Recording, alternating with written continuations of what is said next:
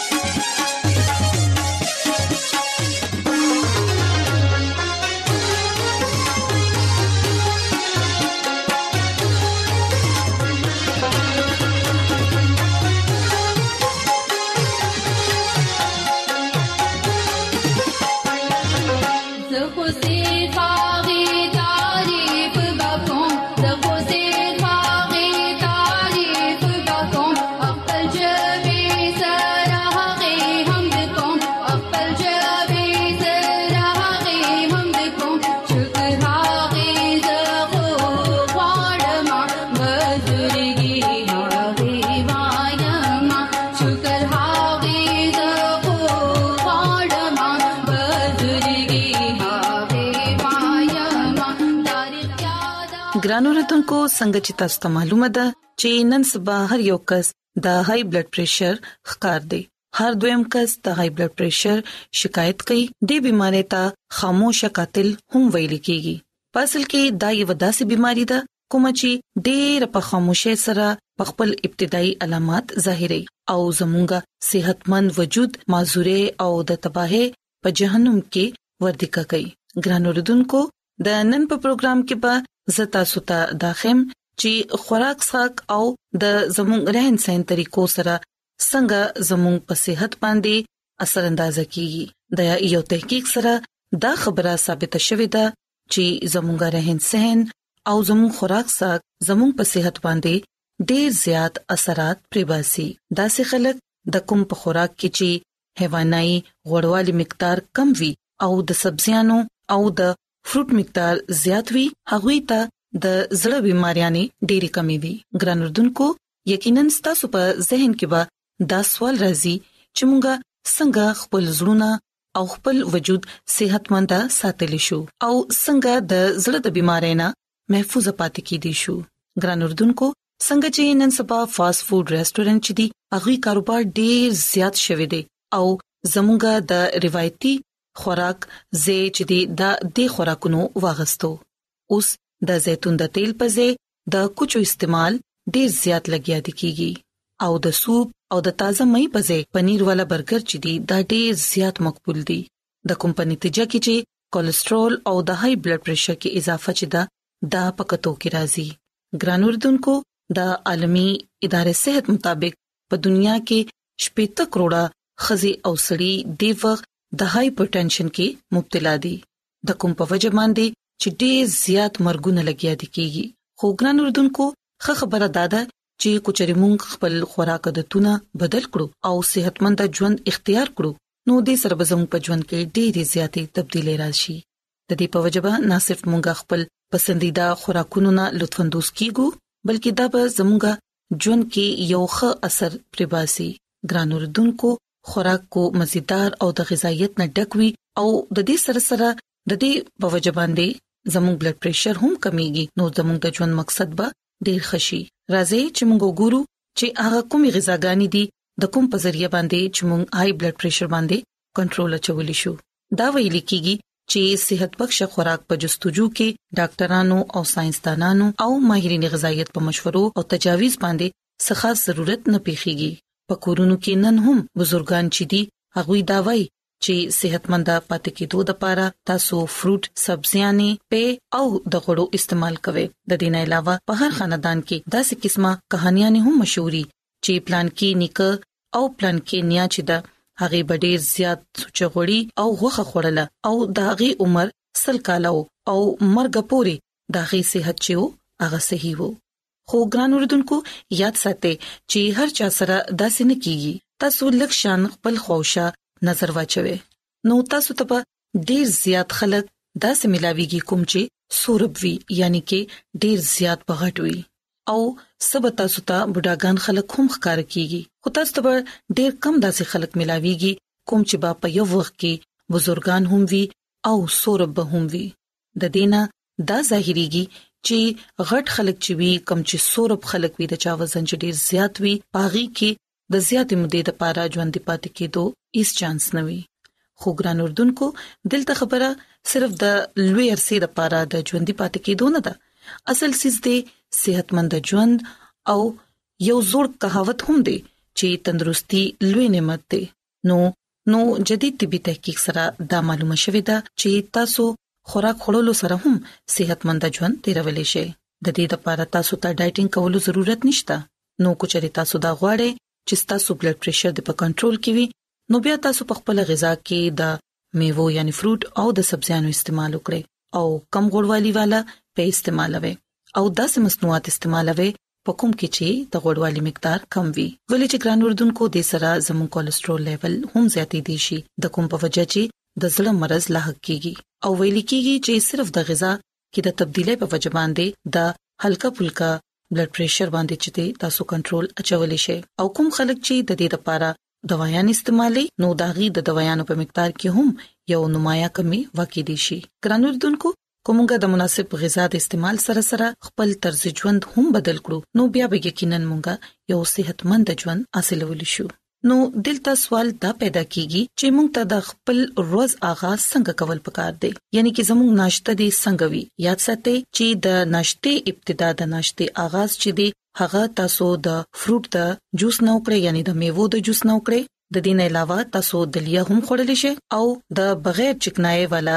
یعنی د غوړوالي نه پاک پیچ دي دا تاسو استعمالول شي د دې نه علاوه تاسو په غرمه کې سینډویچ هم اغستې شي په دې کې تاسو بادرنګ، ټماټر، پیاز او زیتون وغیرہ کېږدئ او استعمال کړئ دا زموږ د صحت لپاره ډیر زیات فائدہ مند دي او د شپې په خوراک کې تاسو سبزي استعمالول شي د سلاد استعمال کوئ یاد ساتئ چې اکثر خلکو مسله دا وی چې دا غوي میوه او سبزيان چې دي دا خوخي نه وي او هره ورځ خو یشیدلې سبزیانې خو هم انسان خوړی نشي نو د دې لپاره ګران اردوونکو خپل خوراک چې دی هغه جدا جدا طریقو سره تاسو استعمالولی شئ یعنی کې اگر کو تاسو یو ورځ د سبزیانو سلاد خوړلې دي نو په بل ورځ تاسو د میوو سلاد خوړی شئ کوچری تاسو نن د پیو ګلاس کلې دي نو سبا تاسو د میوو جوس اغستې شي دغه شان تاسو په خپل غذا کې رد او بدل پیدا کړئ او نه صرف تاسو د خوراک نه لطف اندوز کیږئ بلکې تاسو به د های بلډ پريشر په شان یو خطرناک بيمارۍ نه هم ځان ساتل شي نو ګران اردوونکو دغه شان چې تاسو په دې احتیاطي تدابیر باندې عمل وکړئ او په غذا کې تبدیلی راولئ نو بیا به یقینا تاسو د های بلډ پريشر نه بچ کېدئ شئ او ګران اردوونکو کوشش کوئ چې ورزش خپل د ژوند معمول جوړ کړئ هلکا پلکا چهل قدمي هم کوي دا په دې بيمارۍ کې ډېر زیاته فائدہ مند ده او د ټینشن نه لری اوسېږي او کچې تاسو وزن په کنټرول کې دینو بیا تاسو خپل ځان د دې خطرناکې بيمارۍ نه بچ ساتلی شي ګران اردوونکو زه امید لرم چې نننې د صحت خبرې به تاسو خوښی شي او تاسو بننده زده کړی چې موږ څنګه په خپل غذا کې تبدیلی پیدا کړو او د های بلډ پريشر نه موږ ځان ساتلی شو نو ګران اردوونکو راځي چې اوس یو کلی गीत وورو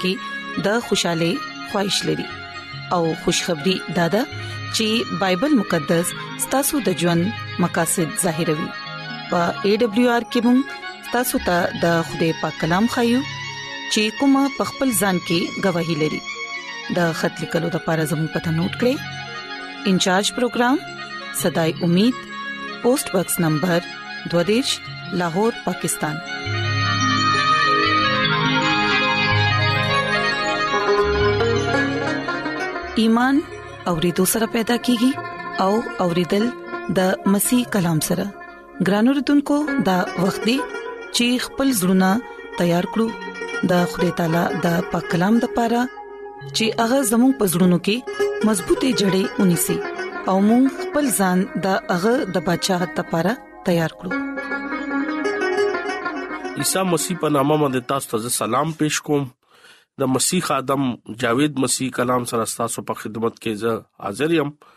او یو ځل د خدای تعالی ز بیا شکر ادا کوم چې نن بیا ماته مکمل او شوې ده چې زه تاسو ته کلام غورم ګران اوردونکو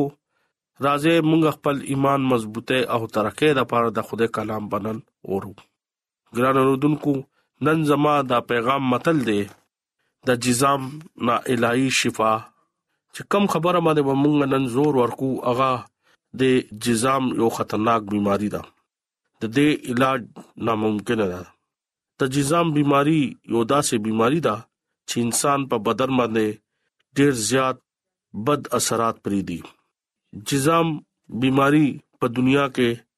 ډیر زیاته ده دلته مونږ ګورو چې د دې علاج ممکن ده او د نه مونږه شفا غستی شو د بایبل مقدس چې کله مونږه مطالعه کو نو بایبل مقدس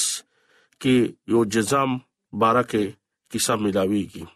د خدای کلام مونږه ته دا خایي چې خدای جزام مرز لری کول قدرت ساتي ګران اوردونکو نن مونږه ایمان مضبوطه ده پاره او د دې خبره از د کول ده پاره د جزام بیماره شفا څنګه بواخلی د خدای کلام مونږه ته دا خبره خای چې جزام بیماری د شفا مونږه غستی شو متی په انجیل اتم باب او سلورم آیت موږ دا وایو چې کله دغه غرنه کوشو نو مجمع ډیره غټه وا او دغه رست روانه وا او دلته موږ ګورو چې یو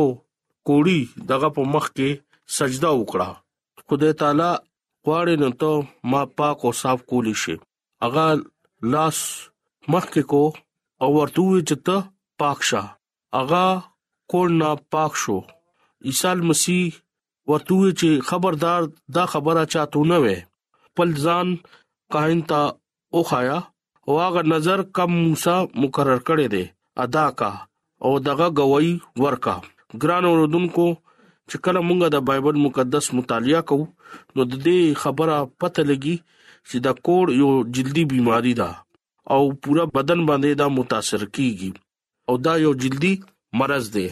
دا سي خلکو نه بغي ډیر کرکا کو او دا سي خلک به د آبادې نه وړر لری به ساتو بایبل مقدس ته دی بیان کی وای چی جزام خلکو سره بچا مینا نه کولا بایبل مقدس او زوړه لوزنامه کې او ربار کتاب کې دا وایي چې کم خلک د دې بيمارۍ کې مبتلا شو نو هغه ته لازم و چې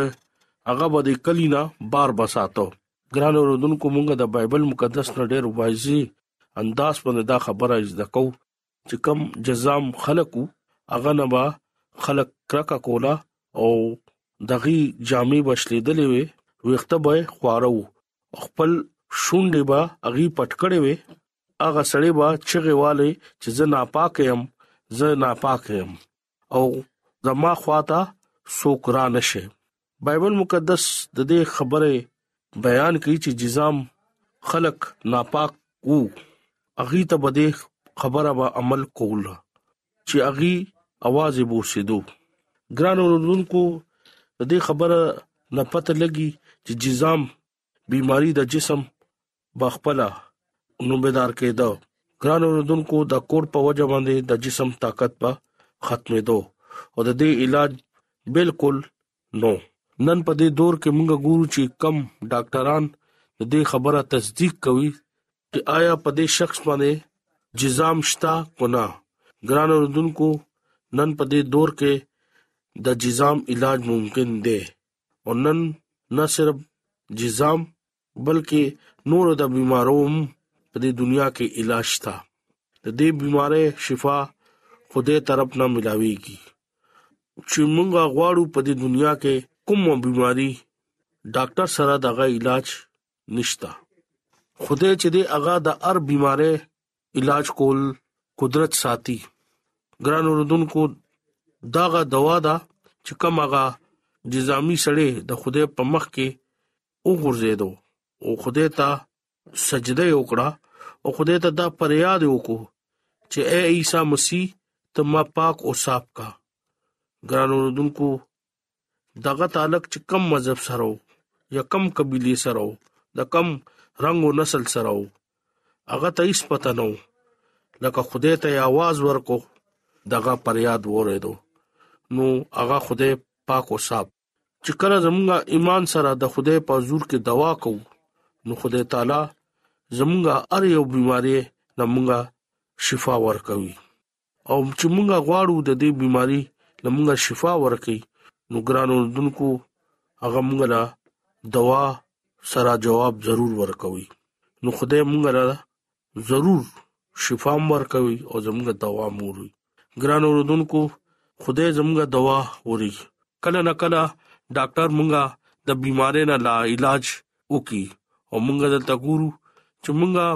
سره روپې پیسې هم نه مونږ سره هیڅ سم نه یی مونږ نه دنیا نفرت کوي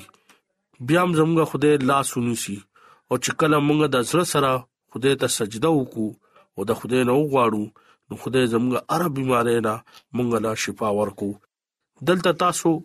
وګوره چې مونږ ایمان سره دغه حضور کې لاړ شو او ایمان او باور مونږه کېږو ګران اوردونکو داغه جزامي سړی مثال دی چې هغه عیسی مسیح په مخ کې رالو ولی دغه دا ایمانو چې عیسی مسیح به مال شفا ورکوي دغه په مخ کې به پریاد کوم التجا وکم ناغه به ضرور زماله به شفا ورکوي نو نن هغه ته خوده شفا ورکړه دا ډیره لوی خبره ده چې خوده زمونږه هر بيمارۍ کې هر پریشانې کې هر مشکلات کې اوري هغه دا وایي چې ته په ما باندې ایمان راوړه زما بیا ته مخکې جلال وګوره روحاني تور باندې جزام یو ګناه علامت ده او انسان ته لاحق ده انسان د ګناه په بيمارۍ کې متلا دی مونږه ته پکار دی چې مونږه خدای طرف ته ځان ورکو مونږه د هر بيمارۍ نه بم خدای مونږه بساتي او چې کم خلک خدای باندې یقین او توکل نه کوي هغه هم دښه جزام بيمارۍ کې په بیا مبتلا کیږي دغه به علاج نه کیږي دغه سره بس هیڅ وسیله بنئ او چې کم خلک په خوده یعنی کې عیسی مسیح باندې توکل ساتي نو هغه جزام او کینسر او هر قسم بيمارۍ نه با خدای باغه ساتي زبنن یقین کوم چې نن دا کلام تاسو ډېر خوښ شوي او تاسو په دې باندې عمل وکړئ او خدای دې تاسو لا هر بيمارۍ نه